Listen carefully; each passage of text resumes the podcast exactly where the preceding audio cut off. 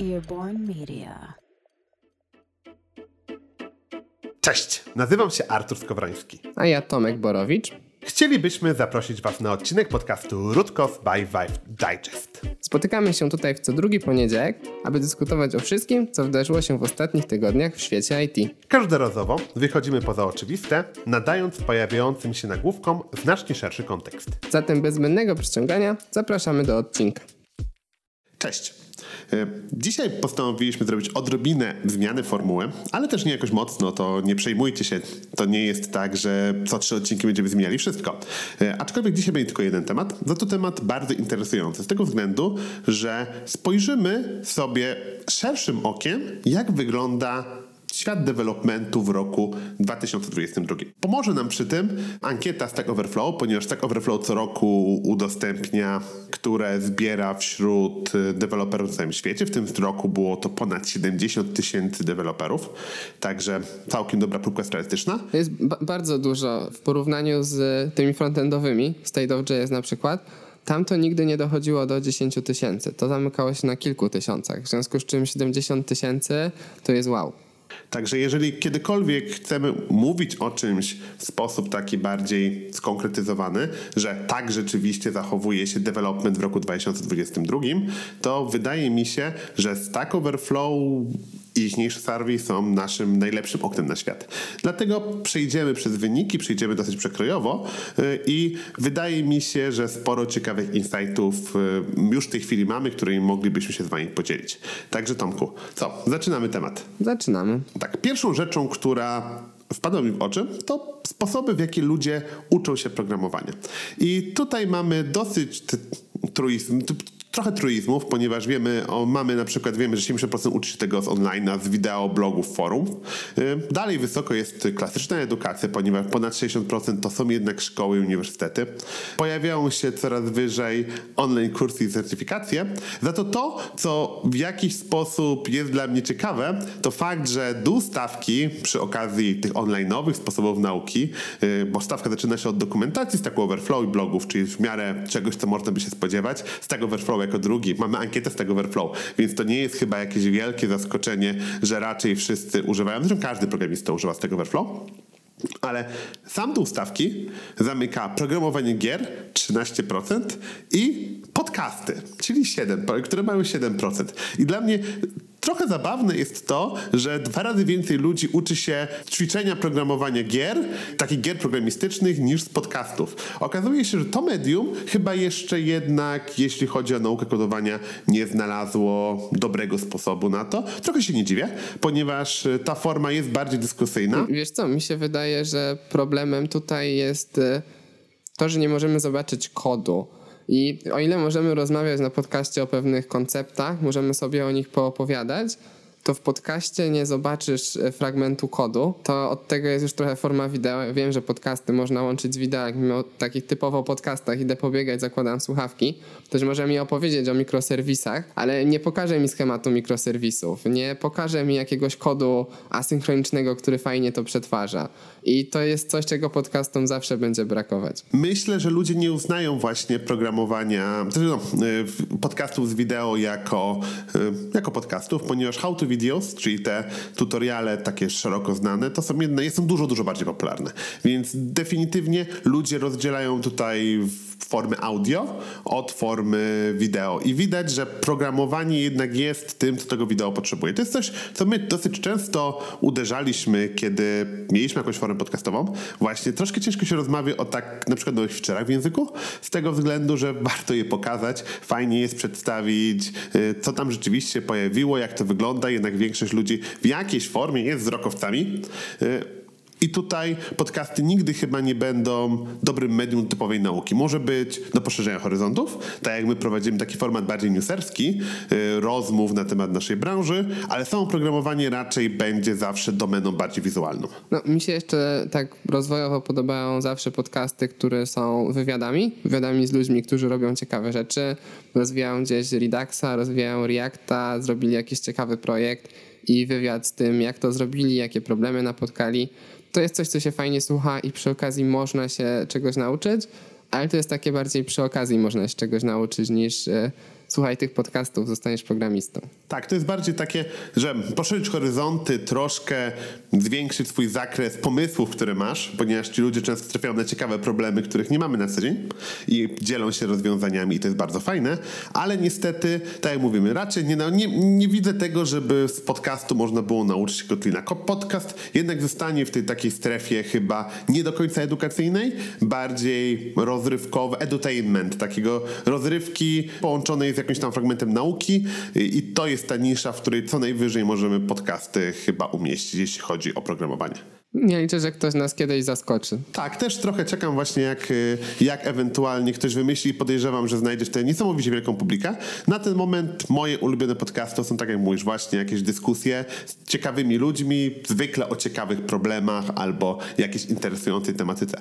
Także, także tutaj też nie widzę bardzo, jak ktoś mógłby się zacząć uczyć programowania z podcastu i ciekawe, ale chciałem to, jako że sami prowadzimy podcast, chciałem się tymi statystykami tutaj podzielić. Zejdźmy już y, z tej części, przejdźmy pewnie do tego jakiegoś większego mięska pod tym kątem i rzecz, którą tutaj pozwolę sobie znowu rozpocząć wątek, y, prawie połowa ludzi, którzy wypełnili tą ankietę definiuje siebie jako full staty. Co o tym sądzisz? Wydaje mi się, że to dobrze oddaje rynek. To znaczy coraz mniej mamy, coraz mniej, żyję tu w bańce prawdopodobnie, ale ja coraz mniej widzę ludzi, którzy robią całe życie tylko jedną rzecz, robią tylko frontend i tą tylko jedną aplikację klepią. Generalnie wszystkich powoli dopada gdzieś jakaś chmura, gdzieś jakiś frontend for backend, backendowców dopada gdzieś jakiś mały fragment frontendu, gdzieś wdrażanie w chmury rzeczy i, i wszystkich nas to trochę dopada. To nie jest taki szeroki, szeroki full stack, ale gdzieś wszystkich dopada to, że robią coś więcej poza tą swoją specjalizacją. I wydaje mi się, że to, to mnie akurat jakoś bardzo nie zaskakuje. Tak, zgodzę się z Tobą i mi się to ogólnie też podoba pod tym kątem, że tak naprawdę wszyscy chcą z nas zrobić full stacków. I to już nie mówię o takich truizmach, że gdzieś administratorzy przynieśli się do chmur.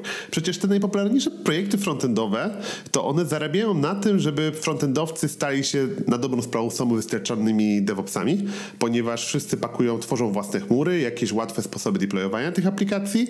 To jest właśnie taka kwintesencja DevOpsa, yy, idea, z którą ten ruch zaczynał.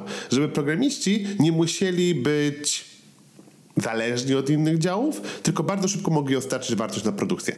I to mi się wydaje, że jest naturalnym sposobem rozwoju teraz wszystkich projektów związanych z programowaniem, z językami programowania, na przykład Deno. Deno, które niedawno stało dość dużą rundę finansowania. Pewnie troszkę to rozwiniesz teraz. No tak, Deno buduje swoją chmurę y, opartą przede wszystkim o Edge Functions, czyli funkcje wykonywane jak najbliżej y, klienta. Y, no i dostaje drugą dużą rundę, 20 milionów. Co ciekawe, mają już partnerów biznesowych, z którymi to wdrażają, bo oni y, podpisali współpracę z Netlifyem, czyli właśnie firmą, która wpisuje się w Jamstacka, wpisuje się bardzo dobrze w te Edge Functions, będą wykorzystywać rozwiązanie od Deno i wykorzystuje ich też Supabase, czyli taka alternatywa open source'owa do Firebase'a. Tak, to jest ciekawe, że na razie mam wrażenie z tego, co mówisz, że Deno używają inni dostawcy, działają jako taki komponent innych dostawców usług deweloperskich, bo tak jak mówiłem, Netlify to też jest firma, która dobrą sprawę y, weszła w ten trend i chce dostarczać narzędzia, jakieś platformy dla deweloperów. Supabase to samo. Ciekawi mnie, czy Deno właśnie będzie używane jako narzędzie używane przez inne narzędzia, czy ktoś będzie używał ich bezpośrednio. Prawdopodobnie dla nich jedno i drugie jest interesującą drogą rozwoju, pod warunkiem, że cały ten rynek narzędzi deweloperskich będzie rósł, bo oni będą mogli rosnąć tak szybko, jak cały rynek wtedy niekoniecznie będą wchodzili w jakieś typowe nisze. Tak, znaczy na, na, pewno to jest świetny sposób na dotarcie do klientów. To jest zamiast próbowania budowania swojej chmury, musisz się przemigrować do nas, to będzie problematyczne. Jest y, po prostu, jesteśmy na Netlify'u, możecie tutaj zacząć z nas korzystać, już pewnie jesteście na Netlify'u albo używaliście Netlify'a. Mi się ta strategia podoba i ona zdecydowanie lepiej się sprawdza niż próba budowania całkowicie swojej chmury i zaciągania tam ludzi. Mi się to podoba. Tak, niż próba, tak, niż próba konkurowania z AWS-em. Ja bardzo lubię ten mój przykład, którego używałem już wielokrotnie, przynajmniej w weekly w formie pisanej, że wszyscy dostawcy wielcy chmurowi w tej chwili tworzą własne procesory ponieważ nie konkurują już tylko na usługi, na software, ale zaczynają konkurować na hardware. Mamy AWS-a, który tworzy własne grawitony, które są podobno niesamowite. Jak słyszałem, to one mają niesamowite osiągi, najważniejsze ARM. -y. Tak samo Google ma jednostki tensorowe. Yy, mamy kwestię tego Apple'a z M1. Wszyscy tworzą własny hardware i pewnie pchanie się na rynek chmurowy, kiedy Amazon tworzy własne procesory, które będą bardzo szybkie, bardzo wydajne, miały dużą przepustowość, nie jest dobrym pomysłem. Lepiej się podpiąć i zrobić ten taki malutką niszkę, którą ktoś będzie mógł kupić i wykorzystać w ramach szerszej platformy. Znaczy wiesz, tutaj jest kwestia z Edge Functions, to też jest tak naprawdę ściganie się na infrastrukturę trochę. No bo żeby Edge Functions działały, to musimy mieć te serwery na całym świecie z szybkim response time'em i to jest tak naprawdę kluczowa funkcjonalność. A to, czy tam jest Deno, czy tam jest Node, to już jest trochę, trochę wtórne. Jeśli ja dobrze rozumiem to, co Deno robi, to Deno buduje gdzieś trochę swojej infrastruktury, gdzieś te swoje serwery.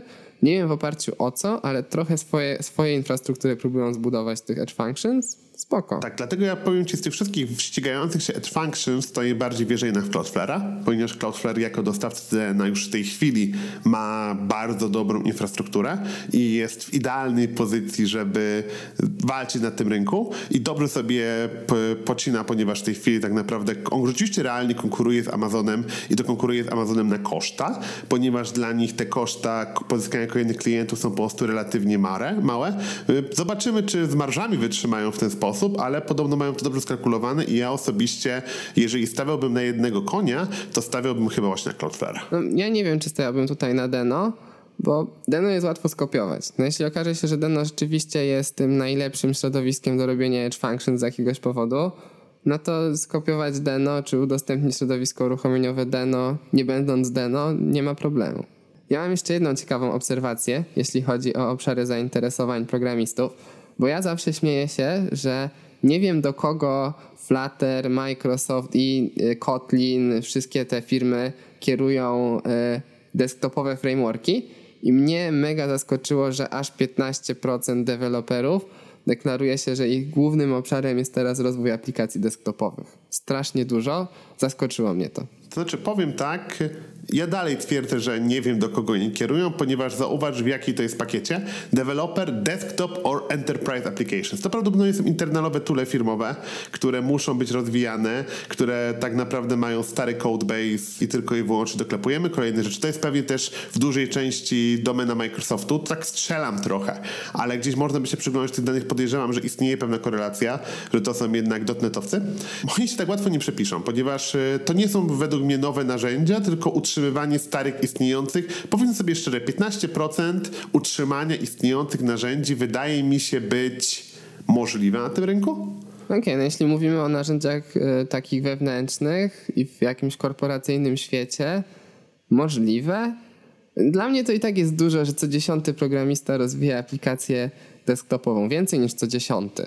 Dużo. Mi się wydawało, że wszystko, się już przerzuciło do tego weba, a tu jednak fajnie wyjść ze swojej bańki czasem. Tak, to jest troszkę właśnie dlatego bardzo lubię Stack Overflow Survey, ponieważ ono pozwala wyjść z bańki przez to, jak ma dużo tak naprawdę programistów i mówię, wydaje mi się co dziesiąty rzeczywiście dużo. Trzeba pamiętać, że tutaj mamy ludzi, można było wybrać wiele różnych odpowiedzi, więc potencjalnie jak ktoś utrzymuje 10 aplikacji, w tym jedną desktopową, też mógł to zaznaczyć, ale dobrze oddaje to pewnie to, jak rynek realnie wygląda. Bardzo dużo ludzi się z tym grzebie. Teraz może mała ciekawostka ode mnie, coś co ja zauważyłem. Polska jest wyjątkowo wysoko, w, jeśli chodzi o respondentów w serwii, bo Polska jest tutaj na raz, dwa, trzy, cztery, piątym, szóstym, ósmym miejscu. Strasznie wysoko. Tego też się nie spodziewałem. To jest co prawda niecałe 2,5% głosów, ale jednak mimo wszystko. Tak. Weź pod uwagę, że jesteśmy jednak z tym jednym z większych centrum outsourcingu na świecie i w Europie też mamy jedną z kluczowych pozycji, także tak naprawdę pewnie biorąc pod uwagę, że raczej mamy tutaj do czynienia, e, no ósme miejsce po prostu jest dość wysokie, nie jest to coś, co jest pewnie niemożliwe, biorąc pod uwagę, jak deweloperami Polska stoi. Jednak mamy bardzo dużo programistów w Polsce i jest to taka naturalna ścieżka kariery w, tych, e, w tej smutnej Europie wschodnio-środkowej, z tego względu, że po prostu praca w IT pozwala, jest najlepszą pracą taką powiedzmy, jeśli chodzi o e, klasę średnią, tak to nazwijmy. Y, I to mówimy zarówno o IT, jak mówimy o y, wszelkiej maści y, supportach, czy w ogóle outsourcingowych, pozycjach outsourcingowych naokoło IT. Gdzieś wydaje mi się, że to jest powód, dla którego Polska jest taka mocna. Gdzieś, gdzieś się tutaj zagnieździliśmy. Ale fakt, Stack Overflow widać, że też żyjemy dość mocno w tym community, ponieważ wypowiedzi, często ludzie się wypowiadają. No. Jeśli to sobie przełożyć na to, jak duże jest środowisko programistyczne w danym kraju, to fajnie wiedzieć, że jednak ci nasi sąsiedzi, którzy też rosną jako te centra outsourcingowe, jeszcze są gdzieś za nami i Polska jednak gdzieś ma taki swój ośrodek, jesteśmy mocnym graczem na rynku. Fajnie, to takie, taka ciekawostka serduszko rośnie. Dokładnie, Poland Strong. Także zdecydowanie to. Dobra, to w takim razie przejdźmy do chyba tej takiej najbardziej zawsze wyczekiwanej i najbardziej kontrowersyjnej y, części, jeśli chodzi o ankietę Stack Overflow, czyli najbardziej popularne technologie. I ja bardzo lubię creme de la creme. To jest zdecydowanie creme de la creme, ponieważ, tak jak mówimy, 70 tysięcy ludzi, bardzo wiele można się dowiedzieć i tutaj metodologia, którą zastosował do oceny Stack Overflow jest ciekawa, ponieważ oprócz tego, że zbierają statystyki, ile ludzi używa, to definiują tak zwane love technologies i dread technologies, czyli te, które programiści kochają, te, których nienawidzą i te, których chcieliby się nauczyć, czyli takie, które myślą, żeby kochali, jakby się nauczyli. Także tutaj warto się przyglądnąć, jak tak naprawdę wygląda rynek. Znowu, to jest lekko zbajasowane z tego względu, że na przykład nie pokrywa się z Kiobe, ja mam problem z tymi wykresami, że jest bardzo łatwo oszukiwać. Już ci mówię, co mam na myśli. Jeśli sobie zobaczymy na wyniki webowych frameworków, to wszędzie wygrywa Svelte i on ma jakieś niesamowite wyniki, 75%, 80% osób go kocha i uwielbia. Tylko jak patrzymy, ile to jest rzeczywiście osób, to jest 1800 osób z e, tych 70 tysięcy, 600 e, osób powiedziało, że go nie lubi. No gdzie na przykład taki wynik niby gorszy React, ale React ma 15 tysięcy głosów i tego na tych wszystkich wykresach nie widać. Tak, dlatego Bardzo mówię, to jest to najbardziej kontrowersyjna.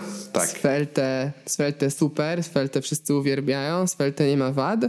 No tylko nie odnosimy tutaj tego do skali. Pytanie, czy gdyby Svelte spróbowało 20 razy więcej osób, to czy ta statystyka by się trochę gdzieś nie zaczęła przesuwać, nie? To jest ten słynny kazus Rasta pod tym kątem, że Rast z roku na rok i po raz kolejny to się pokrywa tutaj. Jest tą technologią, której wszyscy chcieliby używać, no ale Prawda jest taka, że niewielu ludzi tak naprawdę używało, bo w dalszym ciągu Rust jest dosyć niszowy i wydaje mi się, że ci, którzy go używają, to wiedzą, bo to jest moja taka teoria Rasta. Moje, wiesz, generalna teoria Rasta Artura Skorzyńskiego. Ci, którzy używają Rasta, wiedzą po co go używają, używają go w projektach, do których raz został zastosowany. Dodatkowo wiedzą, jakie ma ograniczenia i jakie problemy rozwiązuje. W związku z tym są świetnie przygotowani do tego, co się stanie, jak zaczną używać Rasta. I to jest to Early Majority, które w świadomy sposób podjęło akurat tą technologię do swojego projektu i okazało się to być sukcesem, ponieważ było przemyślane, zanalizowali przyczyny, pewnie programowali gdzieś wcześniej w C, wiedzieli, co ich boli, wzięli Rasta, zadziałało. A teraz, jeśli ci wszyscy programiści, którzy słyszeli, jaki to wyobraź jest fantastyczny, wezmą to i zaczną wrzucać to do swoich webapek, to przecież to będzie masakra. Pod tym kątem, że mówimy o języku, który nigdy nie został do tego przystosowany, pewnie większość programistów, którzy tak wzięłoby Rasta z ulicy, yy, nie bawi... Powiedz sobie szczerze, każdy, większość programistów przygodę z C kończy na studiach i jest z tego powodu dosyć szczęśliwa. I dlaczego ci ludzie mieliby nagle przenosić się na Rasta? To jest dla mnie taka trochę niewiadoma, bo o ile w system engineeringu ja to świetnie rozumiem i Rast na przykład teraz wszyscy się cieszą, ponieważ Rast trafi, będzie oficjalnym językiem już niedługo y, Linuxa. Raz y, Linus Torvald zapowiedział, że dopuści używanie Rasta w jądrze. Y, to jest taki jeden z nowych komunikatów od niego zeszłego tygodnia. Y, to jednak y, musimy pamiętać, że Linux zacznie jest dobrym zastosowaniem. Pisaniem silników przeglądarek jest dobrym zastosowaniem, ale niekoniecznie już aplikacje webowe, a aplikacje webowe, tak jak podkreśliliśmy, większość programistów to jest jednak backend, frontend. To dobrze wychodzi nam z tej ankiety. Ja dodam jeszcze od siebie, że raz znalazł swoją wyśmienitą niszę w toolingu frontendowym. Tu też mi się wydaje, że się sprawdza całkiem nieźle w tym trendzie odchodzenia od toolingu javascriptowego w JavaScriptie na rzecz jakichś szybszych języków. Tutaj Rust się dosyć dobrze sprawdza i te narzędzia, które korzystają z Rusta działają całkiem fajnie, ale to też jest nisza. I to jest też podobne zastosowanie. To jest zastosowanie właśnie w ramach e, takiego systemu engineeringu, czyli tworzenie narzędzi, tworzenie czegoś, co ma być blisko maszyny. To typowe zastosowanie dla Rasta. Ja się zastanawiam, jak długa tutaj jest ta pętla zwrotna, bo ja się trochę zgadzam, że rośnie taki hype i on trochę narasta, właśnie patrząc na te wyniki, ile osób uwielbia Rasta, ile osób uwielbia Svelte i w którym momencie ta pętla zwrotna zaczyna uderzać z powrotem. To znaczy ci ludzie, którzy chcieli rzeczywiście się nauczyć Rasta, chcieli się nauczyć Svelte, wstaw tutaj dowolną technologię, która dobrze wypada w tych wykresach, próbują się jej nauczyć i gdzieś odpadają. I jak długo trwa to, żeby ten język zaczął trochę w tych statystykach spadać?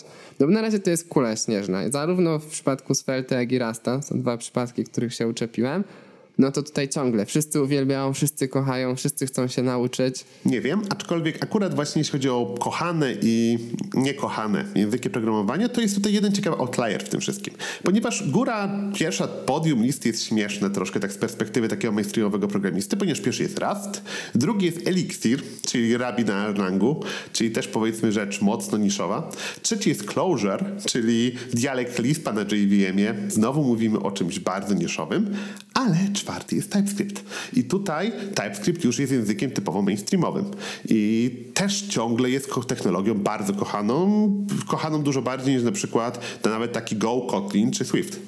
Tak, no Python jest chyba pierwszym takim wynikiem, który ma za sobą te duże liczby. Dużo osób go lubi. Kolejny, no jest TypeScript. Python jest właśnie zaraz pod, pod TypeScriptem, co jest ciekawe, bo o Pythonie są bardzo mieszane opinie. Ciekawi mnie, co się stało, że TypeScript akurat, mimo tego, że rzeczywiście pojawia się w coraz większej ilości projektów, ciągle jest tak uwielbiany. Chyba dlatego, że JavaScript sam w sobie jest y, stosunkowo nisko, nie jakoś bardzo nisko. Można by się spodziewać, że będzie niżej Tak, ja się zgadzam. To jest kwestia posłuchy. To jest to, że frontendowcy nie mieli nic. Nie, wychodzimy z bardzo nisko zawieszonej poprzeczki. Nie mając nic yy, i przez lata właściwie nie mając nic, pojawiały się jakieś próby, ale one de facto tego efektu kuli śnieżnej nie nabrały. TypeScript teraz nabrał i wychodzimy od niczego do TypeScriptu. No to to jest wow. To, to jest naprawdę wow, że są typy, że coś mi sprawdza, jest mniej błędów no jest super. Tu mi się wydaje, że to jest przede wszystkim to, e, że to, to jest to przejście. Gdybyśmy mieli na przykład Java bez typów i Java z typami, też założę się, że Java z typami byłaby bardzo wysoko. Tak, to jest kwestia tego, że po prostu jako alternatywa sprawdza się tutaj bardzo dobrze i ludzie ciągle mają flashbacki z Wietnamu, jeśli chodzi o, o zastosowanie JavaScriptu w dużych projektach, bo jednak tam TypeScript zaczyna być bardziej przydatny y, i to jest chyba to, dlaczego on tak ciągle jest na samej górze. Aczkolwiek jest to, mówię, ciekawe. Python też jest tu ciekawy, ponieważ, tak jak wspomniałeś, Python jako język ma dużo grono hejterów takich typowych, a tutaj ciągle jednak społeczność wydaje się go lubić. Podobnie Go, y, przy czym mówię, to liczby są już trochę spadające. Ogólnie nie ma tak, niewiele jest języków, które mają więcej przeciwników niż zwolenników pod tym kątem. To powiedzmy od połowy listy się zaczyna i okazuje się, że nawet Rabi już w tej chwili jest raczej odrzucany niż społeczność, Java również, także PHP, PHP to już nie ma co wspominać, więc gdzieś to się pojawia. Mnie bardzo zdziwiło to, jak C Sharp wypada na tle Java. C Sharp jest dużo wyżej niż Java. No nie muszę tutaj sobie zerknąć, jak wyglądają same liczby, jeśli chodzi o respondentów. Bardzo podobnie. Czyli y, ludzie wolą C Sharpa. Końcu C Sharpa są zadowoleni, a Javowcy nie. Jako Javowiec powiem, że C Sharp jest lepiej przemyślanym językiem. Także rzeczywiście C Sharp jest po prostu językiem nieco lepszym, y, ponieważ nie ma tego długotechnicznego, ma trochę y, bardziej szedł do przodu. Jest też dobrze zintegrowany z całym środowiskiem, dlatego wydaje mi się, że to jest, to jest jeden z powodów. Mnie ciekawi to, że Solidity jest tak wysoko, 62%, mimo że jest, może to znowu przyczyna tego, że jest językiem dosyć niszowym, aczkolwiek słyszałem o nim raczej kiepskie rzeczy. To jest język, który używany jest do pisania smart kontraktów na Ethereum, y, a moje serduszko to w ogóle rośnie, że COBOL jest przedostatni, a ostatni jest MATLAB, ponieważ miałem kiedyś rok studiów, jak kończyłem automatykę i robotykę. Miałem rok studiów, w ramach których y, używałem MATLABa y, i cały rok praktycznie wszystkie przedmioty skupiały się tylko na robieniu w MATLABie i moje serce rośnie z informacji, że tak naprawdę nie tylko ja go nienawidzę. Języki programowania mamy zaliczone, to co? Bazy danych? to też jest trochę ciekawych rzeczy. Yy, może nie tak ciekawych i nie, nie tak polaryzujących jak w wypadku języków programowania, aczkolwiek pozwolę sobie tutaj pokazać trochę ciekawych insightów, ponieważ po raz kolejny udowadniam sobie, w jakiej banieczce żyję, bo w moim świecie nikt nie używał już MySQL-a, Praktycznie jest to technologia, która nie żyje, a wygrywa ona, jeśli wziąć pod uwagę wszystkich respondentów, jeśli chodzi o bazy danych, wśród tych, którzy uczą się programowania, ma sporą przewagę nad Postgresem, który jest dopiero czwarty, ale nawet w wypadku profesjonalnych programistów ta różnica jest minimalna, ponieważ Postgres ma 46 i 48%, a MySQL 45, 68. Także ta różnica jest w zasadzie prawie pomijalna. Ja na to patrzę jak na kazus jQuery, to znaczy mieliśmy technologię, która była swego czasu bardzo popularna, de facto dominowała rynek. Pomimo tego, że obecnie już się w niej nowych rzeczy może nie tworzy, trochę się od niej odchodzi, no to ona miała tak dużą masę, że zanim ona zacznie się kurczyć i znikać z rynku, to musi bardzo dużo czasu minąć. I wydaje mi się, że trochę tak jest z MySQL-em, że tych projektów było bardzo dużo i dużo ludzi używało MySQL-a, i to musi potrwać, zanim MySQL rzeczywiście zobaczymy w tym użyciu, jak on zacznie spadać. Zresztą to widać w statystykach love versus y, dreaded, miłość versus nienawiść. No Postgres tutaj zdecydowanie wygrywa. Tak, Postgres z wszystkich baz SQL-owych zdecydowanie Postgres wygrywa 20% nad kolejną, o powiedzmy 15% nad kolejną, gdzie następna to jest SQLite, także też nie mówimy o jakiejś y, takiej typowej enterprise'owej bazie. SQL Server to jest dopiero 54, także mamy dużą różnicę między Postgresem a kolejnymi i to jest chyba dobrze pokazuje sentyment rynku taki. To znowu dobrze oddaje moją banieczkę z tego względu, że Postgres jest taką defaultową bazą danych w tej chwili na zasadzie, że jeżeli nie, wiedzie, nie wiemy do jakiego, jakiej bazy użyć, to musimy mieć dobry powód, żeby użyć innej bazy niż Postgres. Jeżeli startujemy projekt, to Postgres jest takim rozwiązaniem totalnie defaultowym z mojej perspektywy. Ja się zgadzam. Wydaje mi się, że MySQL kiedyś był tym rozwiązaniem defaultowym i była cała masa tutoriali, jak zastapować PHP z MySQL-em i tak dalej.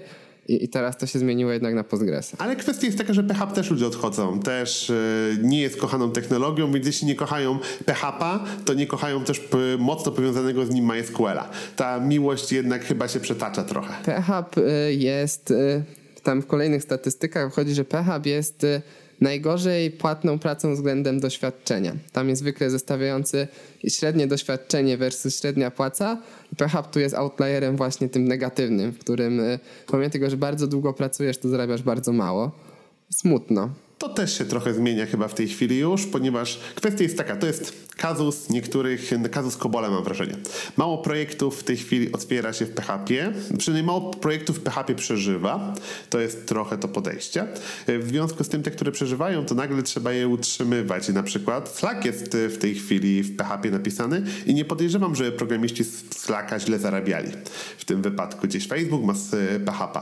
Po prostu jest też dużo takich entry level pracy, yy, którą która po prostu nie jest bardzo, na przykład gdzieś się dobrze zarabia. Zarabia się dobrze w tym outsourcingu, zarabia się dobrze przynajmniej w tych krajach powiedzmy tutaj, zarabia się dobrze w startupach, zarabia się dobrze w big techach. Y, nie sądzę, żeby w tej chwili na przykład startupy zaczynały bardzo z PHP. Przynajmniej nie widziałem takiego trendu. To jest bardziej jakiś go właśnie, ktoś próbuje takich bardziej niszowych języków.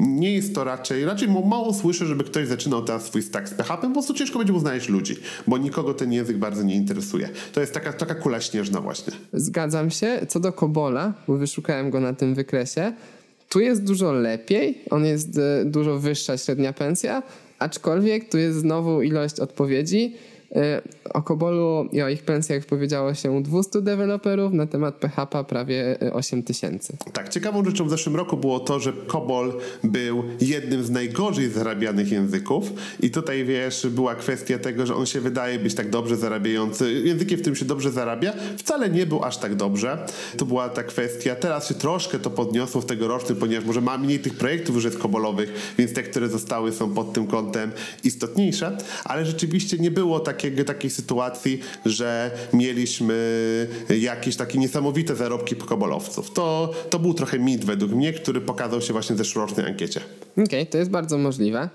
Mam tutaj jeszcze kolejną ciekawostkę, przeglądam sobie te kolejne podpunkty. Y, Delphi. Ludzie w Delphi mają największe doświadczenie na rynku, średnie.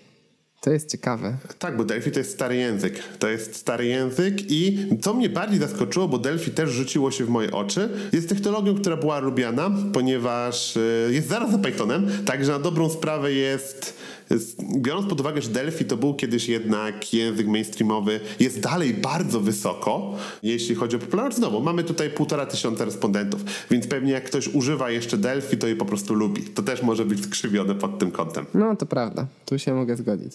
Od czego my wyszliśmy do tej dyskusji na temat Delphi? No to języki programowania, tak? Były bazy danych, bazy danych przeszliśmy. To co? Teraz idziemy yy, web frameworki, troszkę o Svelte porozmawialiśmy, ale może ten temat trochę poszerzymy jeszcze.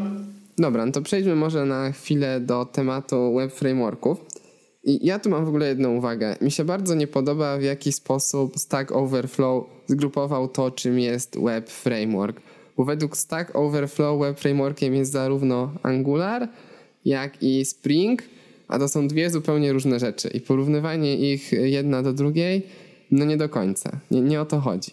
Tak, aczkolwiek w ten sposób mamy dosyć taki szeroki przegląd i oczywiście co wygrywa? Co wygrywa? Wygrywa Phoenix, czyli e, framework do Erlanga, do, do Elixira, który pozwala na tworzenie aplikacji webowych w Elixirze. Także oczywiście jest technologią najbardziej kochaną. E, potem mamy Svelte, który również e, jest technologią, którą wszyscy uwielbiają. Przy czym ciekawostka, jeżeli mówimy, że Svelte ma mało respondentów, to Phoenix ma dwa razy mniej Także tutaj mówimy o jeszcze bardziej niszowej technologii niż Svelte. A trzeci jest właśnie wspomniany już w tym odcinku Deno, który ma jeszcze mniej yy, odpowiedzi niż Phoenix. Także śmiesznie. Tak, wydaje mi się, że na początku jest łatwiej tym językom i frameworkom właśnie ze względu na to, że masz swoją dużą grupę fanów, którzy odnajdują te kluczowe dla nich funkcjonalności w tym języku, bibliotece, czymkolwiek i, i oni na początku robią tą, robią tą wartość. Ale ciekawostka AngularJS najgorszy, a najgorszy jest AngularJS, tak lecąc w tym wszystkim, także AngularJS już wszyscy zapomnieli, już nikt go nie kocha. E, bardzo dobrze, że przynajmniej wydzielają AngularJS-a i Angulara, bo wielu ankietom zdarza się tego nie odróżniać i stąd są bardzo słabe wyniki Angulara. Tu Angular nie wypadł może niesamowicie, ale jednak dużo lepiej niż AngularJS. Także za to na pewno e, kudosy do, do twórców e, ankiety. Y, ja tu mam jeszcze jedną rzecz, która mnie bardzo zdziwiła. Blazor jest bardzo wysoko w, w tych wynikach. Blazor, czyli C-Sharpowy, prawda? Od Microsoftu technologia. Hm. Y, Blazor to jest y, C-sharpowy y, framework do tworzenia frontendu, który jest oparty o WebAssembly. Tak, także tutaj znowu zobaczmy sobie ile respondentów, a nie taka wcale mała, półtora tysiąca, czyli mówimy tutaj o praktycznie tych samych rozmiarach co Svelte. Nie jest tak kochany jak Svelte mimo tych rozmiarów, ale to na pewno jest technologia, która znowu WebAssembly. To znowu jest coś dla kogoś, kto chce poeksperymentować. Raczej nie je, musisz wiedzieć, że chcesz używać Blazora, żeby użyć Blazora. Blazora używa tyle samo osób co Svelte w tych ankietach. To jest dla mnie bardzo ciekawe. Znaczy, to znaczy, że tym dotnetowym świecie jest nisza na robienie tego. Tak, dotnetowy świat ma to do siebie, że jest dosyć zamknięty i raczej wsobny bardzo. Dlatego też pewnie naturalnym jest, jeżeli używasz C-Sharpa, to chcesz język funkcyjny, bierzesz F-Sharpa. Jeżeli pewnie idziesz webówkę, to łatwo ci się przenieść na przykład stworzenie aplikacji desktopowych, y, które mają jakieś swoje biblioteki komponentów, jakieś Telerika. Pewnie Blazor też ma tego bardzo podobne komponenty, bardzo podobny interfejs, tak żeby w łatwy sposób dało się przepiąć. To jest taka moja teoria. Nie wiem, czy ona jest prawdziwa, ale w, w, tym kierunku bym szukał. No, może tak być, tylko to by świadczyło o tym, że mamy jednak. .NET jest bardzo specyficznym wtedy świadkiem, bo nie mamy takiego Blazora dla Java czy dla Pythona. Albo niczego, co mogłoby nawet w jego stronę zmierzać. Znaczy, mamy, tylko. Względem znaczy, popularności. Mamy, mamy Vadim, mamy Vadim, mamy tak naprawdę, nie mamy WebAssembly, ale mamy Vadim Fusion, mamy, wiesz, JHipstera, taki full stackowy. One wprawdzie używają pod spodem prawdziwych technologii y, webowych, ale na przykład Vadim Fusion już nie. Y, mieliśmy GWT swego czasu, które generowało kod y, Javowy. To wszystko gdzieś istniało, po prostu w Javie się to nie przyjęło. Tylko wiesz, to są na tyle niszowe technologie, że one się tutaj nawet nie pojawiają, gdzie Blazor ma 5%, no spoko. Tak, także tutaj widać po prostu, że no, tak jak mówimy, tak jak C-Sharp jest popularnym językiem wśród tych, którzy używają C-Sharpa, tak Blazor jest pewnie też w tym środowisku po prostu popularnym rozwiązaniem i chyba ja słyszałem raczej dobre rzeczy o tym rozwiązaniu. Także tutaj nie sądzę, żebyśmy mieli, wiesz, e, coś, co jest rzecz tylko wywindowane przez to, że jest częścią stacku Microsoftowego. Microsoft ma dobre narzędzia deweloperskie i pewnie dobrze działające z IDE, dobrze integrujące się z całym stackiem i to nie dziwię się, że potencjalnie znajdą się programiści, którzy będą chcieli tego używać. Mnie trochę to dziwi, że jednak to nie poszło ta, tak jak na reszcie rynku, jednak w robienie tego w TypeScriptie, który też jest językiem od Microsoftu i odrobienie tego w frameworkach dedykowanych do frontendu. No może .NET jest jednak tym swoim ekoświadkiem. Ja się tutaj nie spieram. Dobrze, to w takim razie lećmy dalej. Mieliśmy frameworki webowe, ja bym przeszedł do toolingu takiego i zacząłbym od Other Tools, ponieważ to jest moja ulubiona kategoria, bo w niej jest wszystko. To jest taki trochę śmietnik, aczkolwiek ja bym go nazwał jednak dziedziną Immutable Infrastructure i ogólnie infrastrukturalnych narzędzi, choć nie tylko.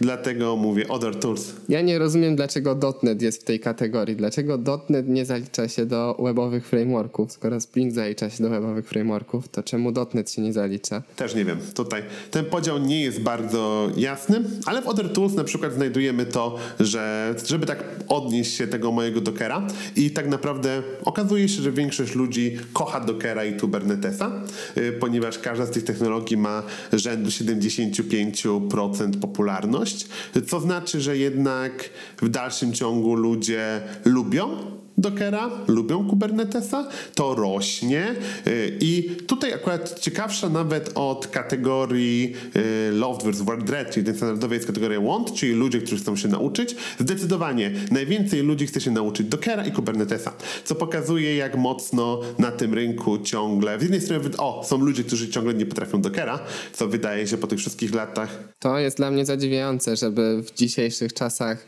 pracować jeszcze bez niego, odpalać testy po prostu nas jajce bez żadnego kontenerowania tego. Czyli znowu żyjemy w banieczce, to jest jedna rzecz. Z drugiej strony pokazuje, że wszyscy ci, którzy nie używają jeszcze Dockera, chcą się go nauczyć, czyli oni wiedzą, że Docker jest im potrzebny.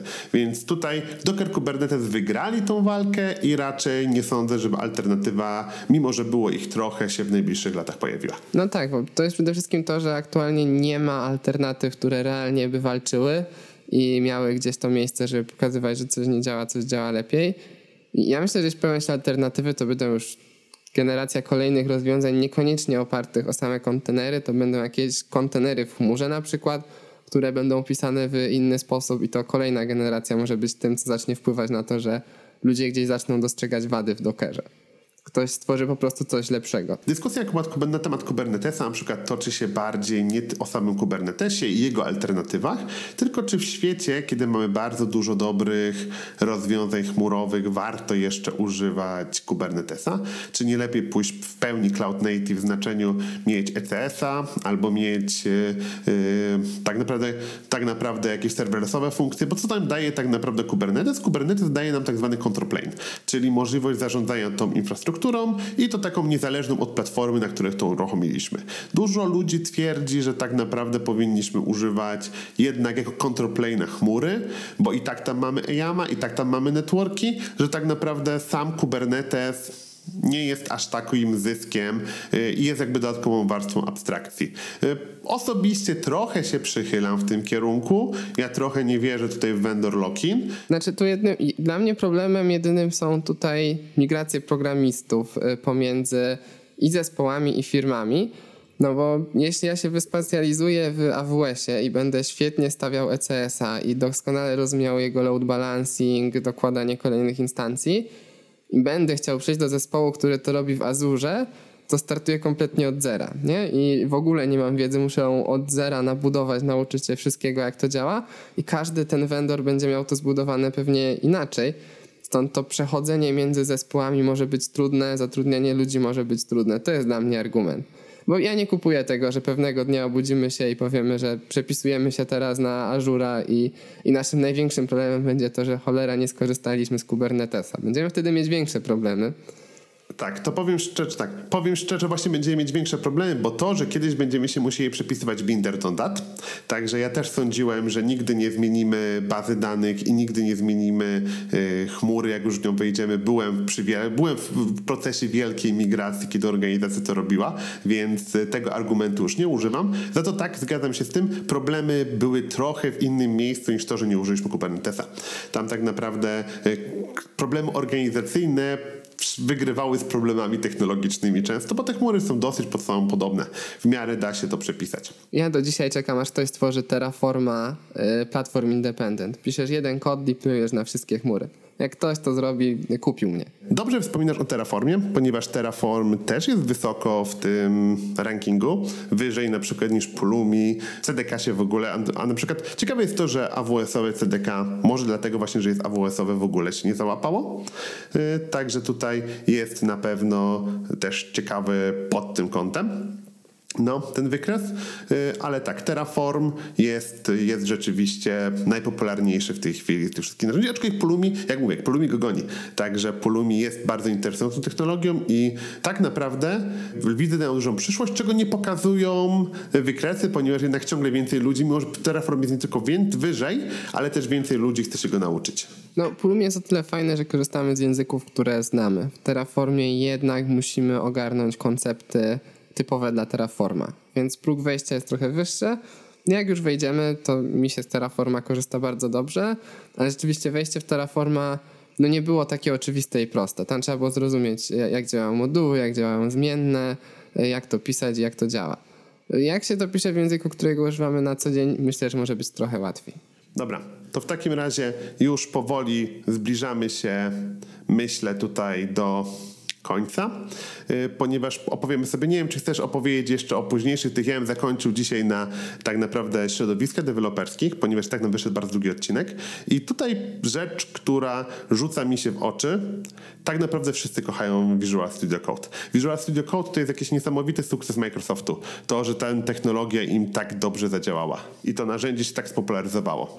Integr niżej, integrated, integrated Development Environment to jeśli o, o, mnie chodzi i o to, co mnie zadziwiło w tej kategorii, to to jest to, że Visual Studio wygrywa z IntelliJ'em, pomimo tego, że C Sharp przegrywa z Java.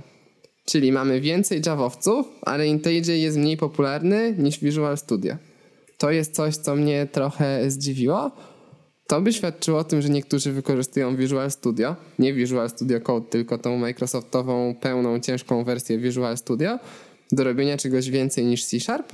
Czy też to świadczy, że jest część y, Java deweloperów, którzy nie korzystają z IntelliJ'a, ale to by znaczyło, że ich jest całkiem sporo. To znaczy jest całkiem sporo, bo tak naprawdę IntelliJ ma to do siebie, że jest płatny i nie w każdej firmie możesz go zapłacić. To jest kwestia taka, że nie każda firma da ci IntelliJ, jednak ciągle powstają NetBeansy, powstają Eclipse. Znowu żyjemy w pewnej banieczce. To się jednak dzieje, że NetBeans i Eclipse dla kogoś tak naprawdę działają, bo też jeżeli możesz używać Community Edition, ale w wielu firmach będzie to niewygodne z tego względu, że mają przykład Springa, mają jakąś Java EE i będzie brakowało im tych feature'ów, a IntelliJ jest jednak dosyć drogi. Strasznie współczuję tym biednym programistom, którzy muszą używać Eclipse'a. Może nigdy nie poświęciłem wystarczająco czasu na jego konfigurację, ale jak mam te flashbacki z Wietnamu, ze studiów, kiedy ktoś nas zmuszał do korzystania z Eclipse'a, oj, oj, oj, oj, oj. IntelliJ tutaj jednak to jest kilka klas wyżej jeśli rzeczywiście są ludzie, którzy duże projekty muszą rozwijać w Eclipse, no to nie zazdroszczę. Mam nadzieję, że ktoś się podzieli wrażeniami, no może w komentarzach do odcinka. Ale tak, Visual Studio Code jest bardzo wysoko.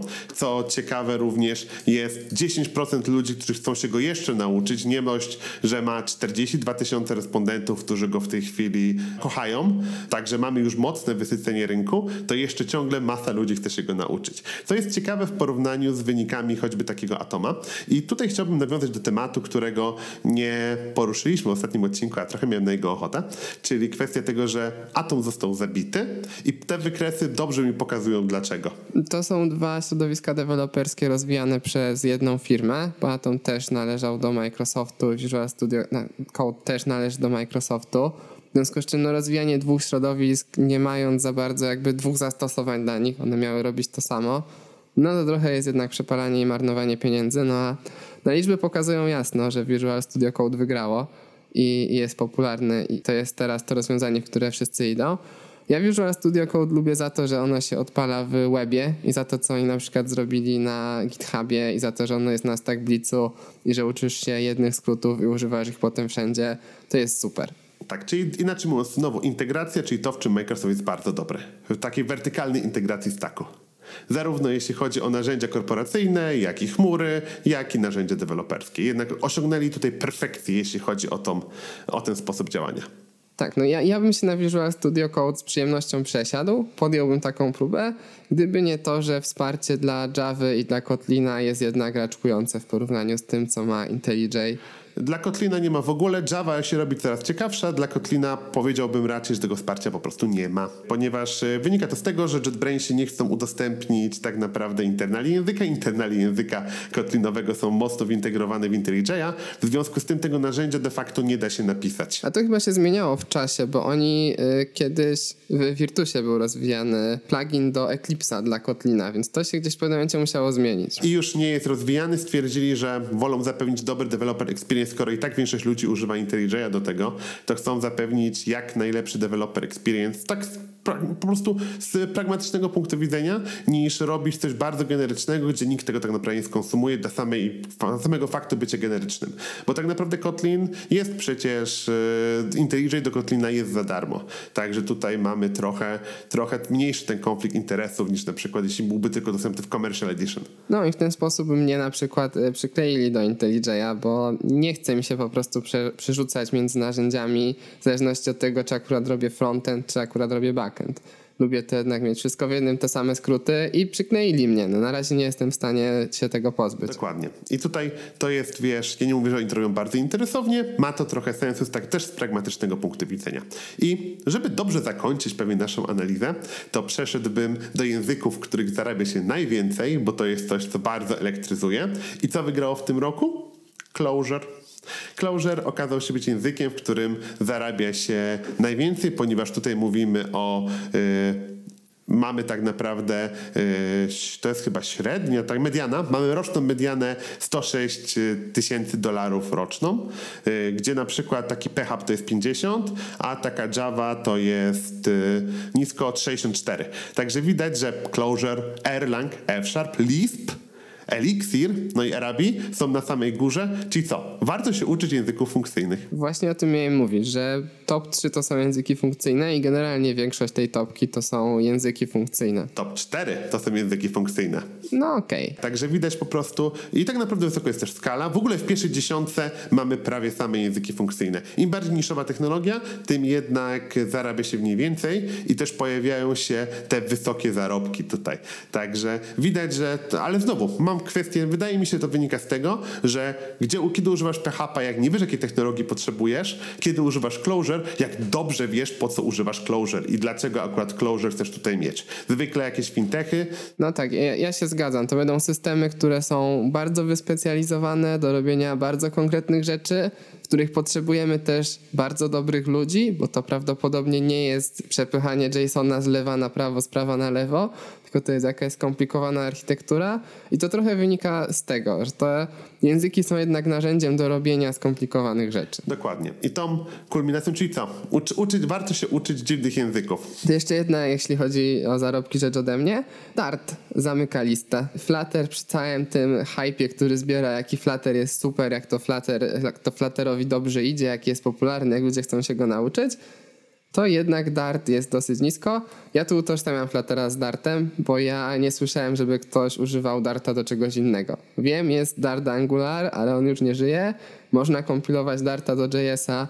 Nie słyszałem, żeby ktoś tak robił. W związku z czym Darta utożsamiam z Flutterem.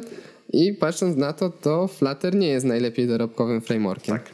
I to jest kwestia tego, że i tak urósł, bo w zeszłym roku były 32 tysiące, dzisiaj jest 43, ale powiedzmy sobie szczerze, w zasadzie wszystkie języki urosły w tym roku. Tu widać bardzo dobrze. Wszystkie mniej więcej o 10%. Tu widać bardzo dobrze inflację, która idzie, ale to jest jednak troszkę więcej niż inflacja globalna. Tak, także widać, że jednak wszystko oprócz APL-a praktycznie urosło o 10%.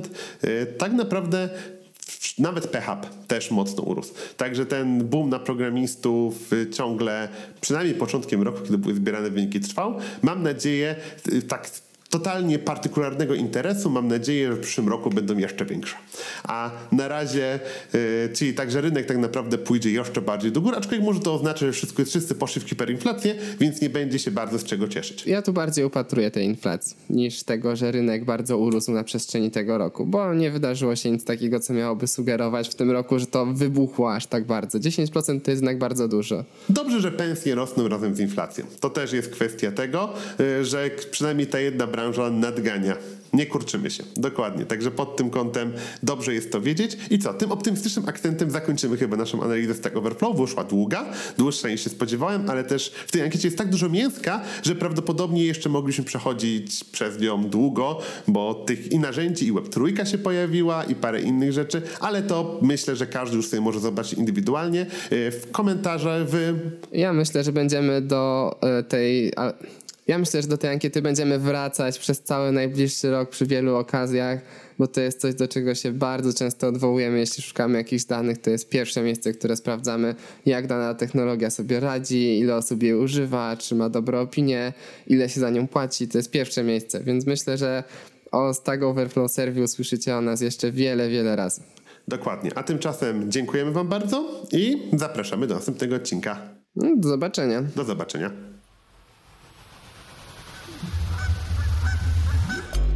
Earborn Media.